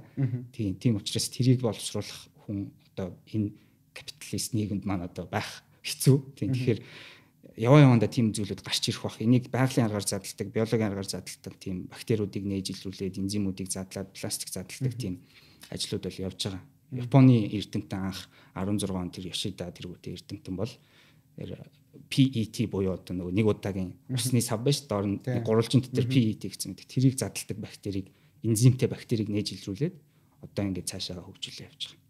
Тийм. Тийм. Тэгэхээр манайх бол тэр байгаль задардаг фильтрийг ашиглаад агаар цэвэршүүлэгчэнд хэрэглээд хаяхад байгальд асуудалгүй. Тэгээд тэр фильтрийн материалын гол түүхийд нь Монгол хоньны ноос юм байна. Тэр хоньны ноосных нь 50% нь нарийн ширхтээ тэр угаа цамансан ноос 50% нь Монгол хоньны хаягддаг ноос бид нэр ингээд аль алиныг ашиглаад илүү үнцэн бүтээ гэж бодож байгаа. Тийм бизнес. Тэгээ сүүлийн үед одоо хийж байгаа бизнес чинь гэх юм уу? Оо баярлалаа. Яг амтчихлаа. Яг Монгол улсын ингээд одоо хоньны ноос бол жишээ нь яг л бидний Монгол ах үе дээр те тэр малчны одоо тэр түүний хамгийн ихний бизнесийн санаа буюу гүний саамнаас гаргаж авсан тэр тийм аригнаас тийм өсгөөр те айгуу тийм гоё л санагдаж байна л да. Ингээ хаа байсан гаднаас бид нар чи ерөөсөө дандаа гаднаас л юм хайдаг штэ. Тэгэд бид нар ингээ Монголд бас бид нар нүүдэлчин соёлтой. Тийм уг нь унган соёл бидний юм чинь автентик байхгүй. Бид нар яг энэнгээрээ бол дэлхийд уг нэгт байх үндэстэй байхгүй Монгол хүн гэж чи юм бэ? Ингээл Монгол хүний ондоошлын тухай яриад эхлэхэд бид нар заримдаа хариулж чаддаггүй зарим хүмүүс. А гэтэл бид нар нүүдэлчин соёл иргэншилтэй. Тэр соёл иргэншлийг бий болгохын тулд бас ямар сайхан гоё түүхтэй байлээ. Ингээд түүхээ аваад үзвэл зүгээр тэр түүхээ ярьж цээжээ дэлдэх биш. Тэр соёл иргэншлийг бүр нарийн судлаад тэр соёл иргэншлээс бид нар өнөөгийн одоо 21-р зуун буюу энэ цаг үед авч чадах зүйлүүд нь юу байна гэдгийг залуучууд амарс гоё судлаад бодит дижитал одоо технологитой тэрийг хослуулаад ашиглах хэрэгтэй л юм шиг санагдлаа л айгүй гоё надад бас урам өгч. Бас сонсч байгаа залуучуудад бас маш гоё урам өгж байгаа л гэж бодож байна. Тийм Монголын би саяных тэр нэг ярьж байгаа. Яг миний нөгөө дуртай юм. Бидний одоо тэр ундааны жишээн дээр одоо тэр probiotic postbiotic бидний biotics ундааны жишээн дээр бол яг энэ нөгөө хүнд өгж байгаа үнцний хувьд анхдагч нь монголчууд бид нар өөрсдөө байхгүй. Ягаад тэгэхээр бид нар гүүний зилэн дээрээс авсан айргаараа авсан гүүний самаараа айраг бүрлдэг одоо юм нэг арьсаар хийцэн юм хөхүүр байна шүү дээ. Хөхүүр дээр чинь одоо энэ үйлдвэрлэлийн процесс дээр байгаа энэ одоо fermentation гэдэг юм бид нэр маш минимал түвшинд хамгийн төгс байдлаар ферментацаа явуулж исэн арт хүн байгаа байхгүй. Нэгдүгээр тэр нь яаж юм гэхээр адууны тэр нөгөө арьс үхрийн ширээр хийдэг баг тий. Тэр ширээр хийсэн тэр нөгөө арьс тэр бүтц дээр нөгөө хэрэгтэй бактериуд маань өөрсдөө ингэж одоо ингэж зуураад амьдчихдээ. Тэгээ олон жил байгаа. Тэрийн тэгээд шинэ гүүний саамаа хийгээд ферментац явуулаад тэгээ тэр бактери хадгалаад шүү дээ сайн бактери олон жил. Тэгэнгუთ тэр бактери нь бас тэр ахуй орчин тэр Монгол айлын нөгөө өвлж юу зуншлагын тэр байр. Дээрээс нь тэр айлын ахуй орчны тэр Монгол гэрж доторх бактерийн бидний орчин тойрон бактери байгаа. Тэр бүрдэл нь өөрөө тухайн айлын өрхийн гэр бүлд илүү нийцсэн бактери тэн дотор орох магадлал бас их байхгүй юу. Буюу бид нар аль хэдийн тэр 13 дугаар зуунд одоо яриад байгаа энэ decentralized буюу төвлөрсөн бус энэ соёл иргэншлийн тэр суурь одоо соёл нь байгаад айл болгон өөр ингэсэн хөрөнгөтэй өөр ингэсэн тараг айрагтай тэр нь айл болгон тийм хөрөнгө мөрөнгө алдсан жоохон тийм сахилга бат муутай залхуу нөхдүүд нэг хаддаг амдэр барайл авч авч штэ хөрөнгө аав тийм тэнгуутлан заа яах ваа гэдэг. Тэр чинь яаж нэхэр ингээд өөртөө таарсан юмыг аль хэдийн ингээ олон жил ингээд хөгжүүлээд өөрсдөө ирүүл байгаа даа штэ. Одоо бид нар анзаарсан бол 17 18 дугаар зуун хүртэл монголчуудад хизээ тархалт чихрийн шижэн одоо энэ суурин соёл иргэншилтэд байгаа одоо энэ үеийн өвчнүүд байсан. Бид нар тийм юм дуулааг байхгүй. 13 дугаар зуунд дэлхийн талыг эзэлж яхад Монгол цэрэг ирчүүд яагаад хүч чадaltaй яагаад өвчин тусахгүй тэр тахал махлыг монголчууд аваатсан гэдэг байгаа хүндэг үе. Тэгээ тэр тахал нь биднэрт яагаад тахал биш байгаа юм те. Бид нар яагаад тийм мундаг бие хаатай байгаа. Бид нар өөрсдөө таарсан tailored тийм personalized хүнсний соёлтой функционал хүнсээ бүр хэрэглээд н ахуудын шингэсэн. Өнөөдөр энэ үйлдвэрүүд байхгүй биднэрт тэр үйлдвэр болгож ашиглаж исэн мал аж ахуй байна тий. Бүр төгс тэгээд нүүдлээд явж болно. Тэгээ гэрийн тэр бүтэц одоо соёлын тэр өвөрмц байдлыг ярих юм бол бүр бас дуусчихгүй их юм болно. Дээрээс нь бүр энергийн хувьд хүний тэр өөр байгальтайгаа ойр байх хувийн тэр метафизикл юм бодох юм бол бас айгүй ариун тийм. Ер нь манай соёл ах чинь одоо дуусчихгүй юмтай л да. Тэгээ тэрийг л миний төвшөнтэй гаргаж ирж орчин үеийн 21-р зуунд хөрвүүлэх гэж байгаа энэ санаа нь өөрөө биотик гэсэн юм. Яг хүнд таарсан юмыг аваачдаг бол мэдээж одоо хүмүүсийг гэрт аваачаад хөхүүртэй ингээд суулгаж боломжгүй нийгэм цаг үе ирсэн. Тэгэхээр тэрийг Nespresso-гийн машин шиг юм болгож хөгжүүлээд хүн болгоо өөртөө эрэхтэй ундагаа авдаг гэдэг шиг. Энэ мэтчлэн бидний нууц өв соёлын юм өөрөө олон улсад ийм үнцэнтэй болох цаг ирчээд байгаа байхгүй. Одоогийн энэ доктортой хөгжлийн 900-д Монгол шиг байглаа хамгаалдаг, байглаа дийдэлдэг тийм. Одоо бөөрэ хүртэл нөгөө одоо иргэдэг, бөөрэ хүртэл ингээд нүүж байгаа үлдсэн газраа хүртэл хайрладаг. Одоо юу юу юм бэ? Байгальтайгаа яг нэг байж чадаад байгаа байхгүй. Байгальтайгаа энэ зохирч амьдэрч сураад сурсан байсан. Тэгээ тэрийг авч үлдэх, тэрийг орчин үеийн 21-р зууны энэ технологитой яаж уяад илүү энэ хүн төрөлхтнийг дараагийн нэг 2 300 амьдруулах уу Марс руу хэдхэн нөхдүүд нь явахаас өмнө бас тэ хэдүүлээ бас энд гоё амьдарч болно. Өнөөгийн нийт дэлхийн одоо resource түүхий эдийн бид нэр ядаж тэ нэг хуваа одоо сайенст илүү тавиад энэ соёлоодыг илүү одоо судлахад зарцуулдаг байсан бол ямар нэгэн тансаглал одоо юу гэдгийг Vuitton өөр нөгөө тансаглал юу гэдгийг нэг яаж аваад гадаадд амьдрах тэр мөнгөө бид нэр энэ sustainability урт хугацаанд зарцуулаад ирэх юм бол одоо ер нь тийм чиг хандлага байгаа. Тэгээд ирэх юм бол бид нэр дэлхийгээ өөрөө буцаагаад диважн шиг болгож бас болно. Одоохондоо арай бүх юм дуусчааг байна. Гэхдээ бид нэр одоогийн байгаа энэ уламжлалт economic social economic модельороо энэ бизнес модельүүд энэ бүх юм хөвөрөхгүй бол бид нар 30-аас 50 оны хооронд хэцүүтэх гээд байгаа тийм бол тооцоонууд бол байгаа дэлхий дээр. Тэгэхээр тэрний туслах юм би бол өөрийнхөө зүгээс монголчуудын соёл гэж бол 100% ихтэй харж байгаа. Тэгээ энэ үрээнд ч хийхийг зорьсон юмнууд бас өөр байгаа байгаа. Энэ тийм юмнууд маань зөвхөн эхлэл гэж харж байгаа. Дуусахгүй их өв соёлын тэр чинийгээрээ ч бас хийх юм их байгаа хэ. Тий. За баярлалаа. Маш сонирхолтой яриа цаг гаруй хугацаанд баярлалаа. Өрнүүллээ. Тэгээд ярианыхаа төгсгөлийн хэсэг тал руу илүү хүн талаас би ганц хоёр асуулт хөтлөж асуугаад тэгээд өнөөдрийнхөө энэ удаагийн дугаараа дуусгая гэж бодож байна. Батмөх гэдэг хувь хүн За өнөөдөр бол хоёлаа бараг цаг гаруй хугацаанд биохимийн талаар, биотехнологийн талаар яриад илүү мэрэгжлийн цар хурааны зүйлүүдийг ярьлаа. Энэ салбарт бас Монгол хөгжүүлж болох боломжуудын талаар ярьлаа. За аль хэмжээ хөгжүүлээд эхэлсэн бодит одоо бизнес болох гээд бүтээгдэхүүн болох гээд явж байгаа. Та танай баг хамт олонны зорио явж байгаа бүтээгдэхүүнүүдийн одоо нууцын талаар нууц юу ах вэ? Тэгээд цаана яг юу болоод энэ бүтээгдэхүүн ямар үнцийг хүмүүст олон нийгэмд өгөх вэ гэдэг үр дүнгуудын талаар бас ярилцлаа. За цаашдаа Батмөх гэдэг хүний карьерийн талаас ярих гэж бодож байна. Яг энэ салбартаа илүү нэгэн тал одоо баг 10 гаруй жилиг энэ цаг салбартаа зориулсан уу? Зориулсан учраас цаашдаа карьерийн хувьд яаж гүнзгийрүүлж одоо сая дөнгөж эхлэл гэж хэлж штэ. Тэгэхээр э, ер нь бол аяны богц чинь маш дүүрэм цаашаа ингээд дундраад явах бах те ариун болоод явах бах. Тэгэхээр цаашдын карьераа яриач гэж хүсэж байна. Аль салбарт бас илүү гүнзгийрүүлж суралцъя гэж бодож байна уу? Магадгүй судалгааны ажлаа аль тал руу илүү хөрвүүлж явах боломжтой байна. Яг одоо чамтай адилхан мэрэгчлээ ингээд дөнгөс сургуулаад өгсөн залуучууд байгаа бах ажил дээр гарцсан залуучууд энэ салбарыг чи илүү сайн мэдж байгаа учраас тэр хүмүүст бас аль зүг рүү явбал энэ салбар ирээдүйн нэг тийшээ чиглээд байна да гэдэг нэг зүг чигийг гаргаж өгье гэвэл. Аа окей.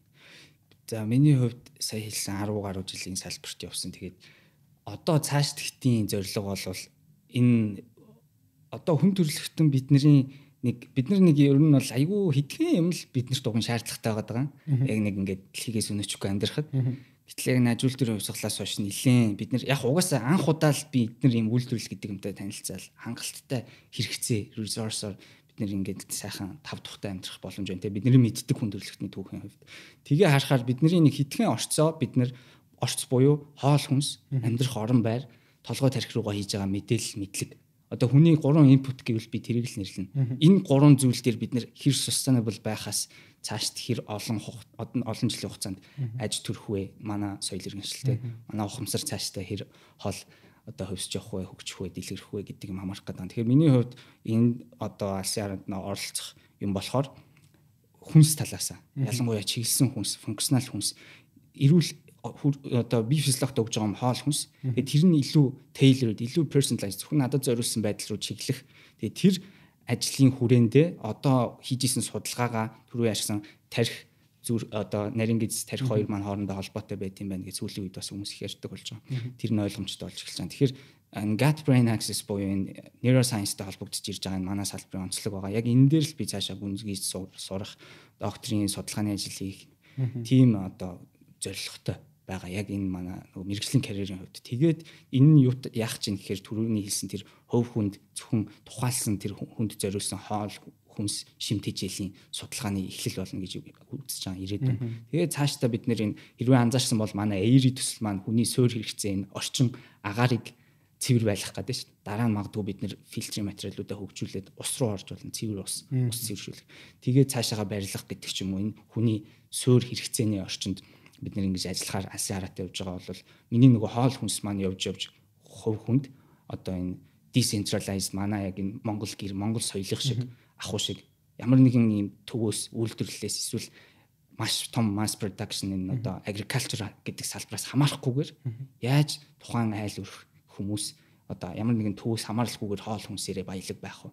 Энэ төвшний хөгжил аль хэдийн биотехнологи дээр ирсэн. Хөдөө аж ахуйн салбараас газар тариалангаас хамаарахгүйгээр бид нэр өнөөдөр уураг үйлдвэрлэх, нүүрс ус үйлдвэрлэх юм ферментацийн технологиуд үүсэж эхэлсэн байгаа. Тэгээ тэр технологи нь яаж юм гэхээр одоо агаарт байгаа нэгдлүүдийг одоо азот гэдэг нүүрс хүчлийнхийг баримгуутлаа амин хүчил синтезлэх гэдэг ч юм уу. Бидний шаардлагатай эцэс биднэрт хэрэгжилж байгаа бодисууд явж явж амин хүчил одоо моно нүүрс ус гэдэг ч юм уу. Задраад энэ задраад ашиглаж байгаа бодисууд нь универсал ахгүй хүн болго адилхан. Тэр нь үхрийнх байна уу?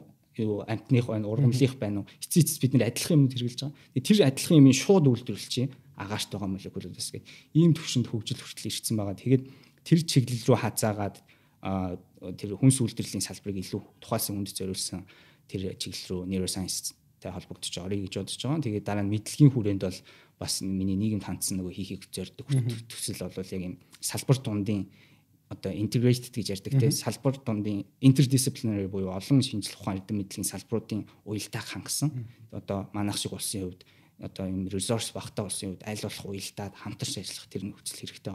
Тэр тэрийг бий болгох тийм платформ тэрийг бий болгох эрдэм мэдлэгийн юм цогц орон зайг бий болгоход бас чөлөөцөөгөө зарцуулах тийм алсын араатай байгаа. Тэгээд ямар хийх юм байна тийм. Тэгээ нөгөө хүмүүс хэлэх карьерийн хувьд дахиад хэлэх юм бол ер нь ингээд neuroscience-тэй холбогдож байгаа. Дээрээс нь биолог, биотехнологийн чиглэлээр сонирхож байгаа залуучууд камераларч тийм байгаа болвол юу ягаараа data science тэгээд одоо биоинформатик гэж байгаа. Тэр салбар руу ороорой. Одоо би бол орж амжихгүй нэ. Та нар оролцоо тэгээд туслаарай. Гэдэг л мессеж өгмөр байна. Тэгээ хамтарч ажиллацгаа ирээдүйд. Тэгэхгүй бол одоо бид нар мэдсээр үжиж дэлхий сүнэх хэсэгтэр тулсан ийм эцэгтэй цаг мөчт байгаа манай ирний энэ эрагийн манай генерашны залуучууд. Аль болох смарт байгаад аль болох хувийн ашиг сонирхлоо нэг 20 30 жил хойшин тавьж байгаад залуу байгаа дээрээ жоох ажиллаад өгчүүл. Дараагийн бид нар ач зээ нартаа нэг жоохон гоё дэлхий хэвэрнүүлэх гэдэг шүү дээ. Тэгэхээр тэр төвшөнд хараад биоинформатик, биотехнологийн салбар, нано технологи руу мэдээж бас орно. Ороод яваарэ гэж хэлцгээе. Салбарын хүрээнд тийм. За баярлалаа. Маш супер гоё яриа орлоо гэж бодож байна. Тэгээд Skeleton podcast-ийн хувьд ч гэсэндээ ерөнхийдөө 5 6 жил подкаст хийхдээ аль болох бид нэр ярилцах зочноо сонгохдоо яг л манай үеийн залуучууд, шинэ үеийн залуучуудыг урьж оролцуулах хүсдэг. Яагаад тэгэхээр бид нар чинь дөнгөж эхэлж байгаа алдаж онох цаг үе дээр байгаа. Зарим нь бол зөвхөн нас гэдэг утгаараа бүр нас өөрсдийнхөө насыг гололгүйгээр бүр зарим хүний бүр 10 20 жил хийгээд хийж чадаагүй зүйлүүдийг зарим нь 3 4 жилийн дотор хүртэл хийцэн залуучууд бидний үеийн донд байж байна. Тэгэхээр сүүлийн үед одоо нөгөө Монгол улсын хөгжил хөгжлийн ч гэсэндээ бид нар болохгүй. Яг нийгэм болохгүй байгаа асуудал зөндөө байгаа. Гэхдээ тэрний хажуугаар бас шинэ үеийн залуучууд өөр болсон шүү бид нар дор өрнөө бас зөвхөн өөрсдийгөө бодоод авах биш бүр нийгэм дэлхийн хэмжээнд ярьж ш бид нар. Дэлхийн асуудлыг яаж шийдэх гэдэг талаасаа. Тэгээд зүгээр ярьдаг биш поппердаг биш бодит судалгаа хийдэг бодит үр дүнг харуулж чаддаг юм үеийн залуучууд найз нөхөд байгаад бол миний хувьд баярлж байна.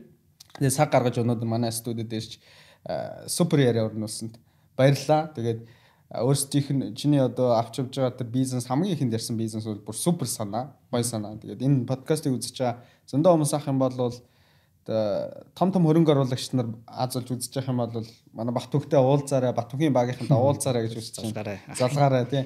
супер хөрөнгө оруулалтаа татаад тэгээд дэлгүүрийн лангуун дээр супермаркетийн лангуун дээр тэр бүтээгдэхүүн тун удахгүй байх байх гэж би бодож байна. Тэгээд аваад ууж явах байх бид нар шиг. Тийм.